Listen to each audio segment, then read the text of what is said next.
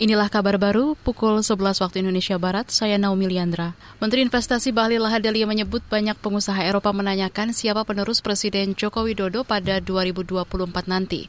Pernyataan itu disampaikan Bahlil usai mendampingi Jokowi dalam pertemuan bisnis dengan para pengusaha dari BASF, Eramet dan VW Powerco di Hannover, Jerman akhir pekan kemarin mereka percaya sama uh, Indonesia, tapi hampir semua persi, uh, hampir semua pengusaha di Eropa di mana aja nanya siapa the next yang akan memimpin uh, Indonesia. Apakah masih sama komitmen dengan Bapak Presiden Jokowi atau tidak? Itu memang menjadi pertanyaan untuk kita. Dan saya pikir uh, kita harus mampu bekerja sama, mampu meyakinkan para investor bahwa Indonesia ke depan akan baik-baik saja. Artinya siapa pun pemimpinnya, tapi itu sebuah tantangan yang kita harus jawab bersama. Menteri Investasi Bahlil Hadalia mengaku tidak bisa memberi banyak harapan kepada para investor terkait komitmen bisnis ke depannya dari siapa pun pengganti Presiden Joko Widodo. Bahlil hanya memastikan saat ini Jokowi konsisten menjaga iklim investasi berbasis hilirisasi, utamanya untuk ekosistem industri baterai listrik. Markas Besar TNI mengklaim telah mengetahui posisi pilot Susi Air Philip Mark Martins yang masih disandra kelompok bersenjata Papua. Tapi menurut juri bicara Mabes TNI Julius Wijoyono, operasi penyelamatan pilot berkeluarga negaraan Selandia Baru itu sering terkendala cuaca. Yang paling menyulitkan di operasi ini adalah cuaca.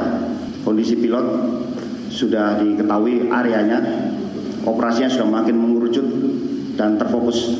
Jadi cuaca dan ini sangat tidak menentu di uh, Papua.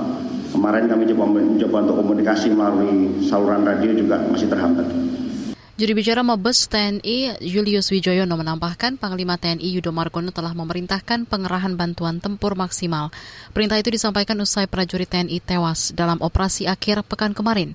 Pilot Susi Air Philip Mertens disandra kelompok bersenjata Papua pimpinan Egyanus Kogoya sejak awal Februari lalu. Sebelum menyandra pilot, kelompok tersebut membakar pesawat Susi Air di lapangan terbang distrik Paron, Duga, Papua Pegunungan. Beralih ke informasi olahraga. Pelatih Timnas Indonesia U22 Indra Syafri kurang puas dengan penampilan pemainnya di laga melawan Libanon malam tadi.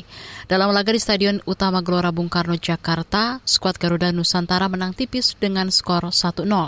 Indra menilai penampilan anak asuhnya lebih buruk dibanding leg pertama. Padahal dalam leg pertama Indonesia justru kalah 1-2. Menurut Indra, para pemain banyak melakukan kesalahan di pertandingan kedua melawan Libanon. Usai laga persahabatan ini, Indra akan fokus mempersiapkan skuad untuk berlaga di SEA Games Kamboja. Pertandingan di cabang olahraga sepak bola akan dimulai akhir April. Indonesia masuk dalam grup A bersama tuan rumah Kamboja, Filipina, Myanmar, dan Timor Leste. Demikian kabar baru saya Naomi Liandra.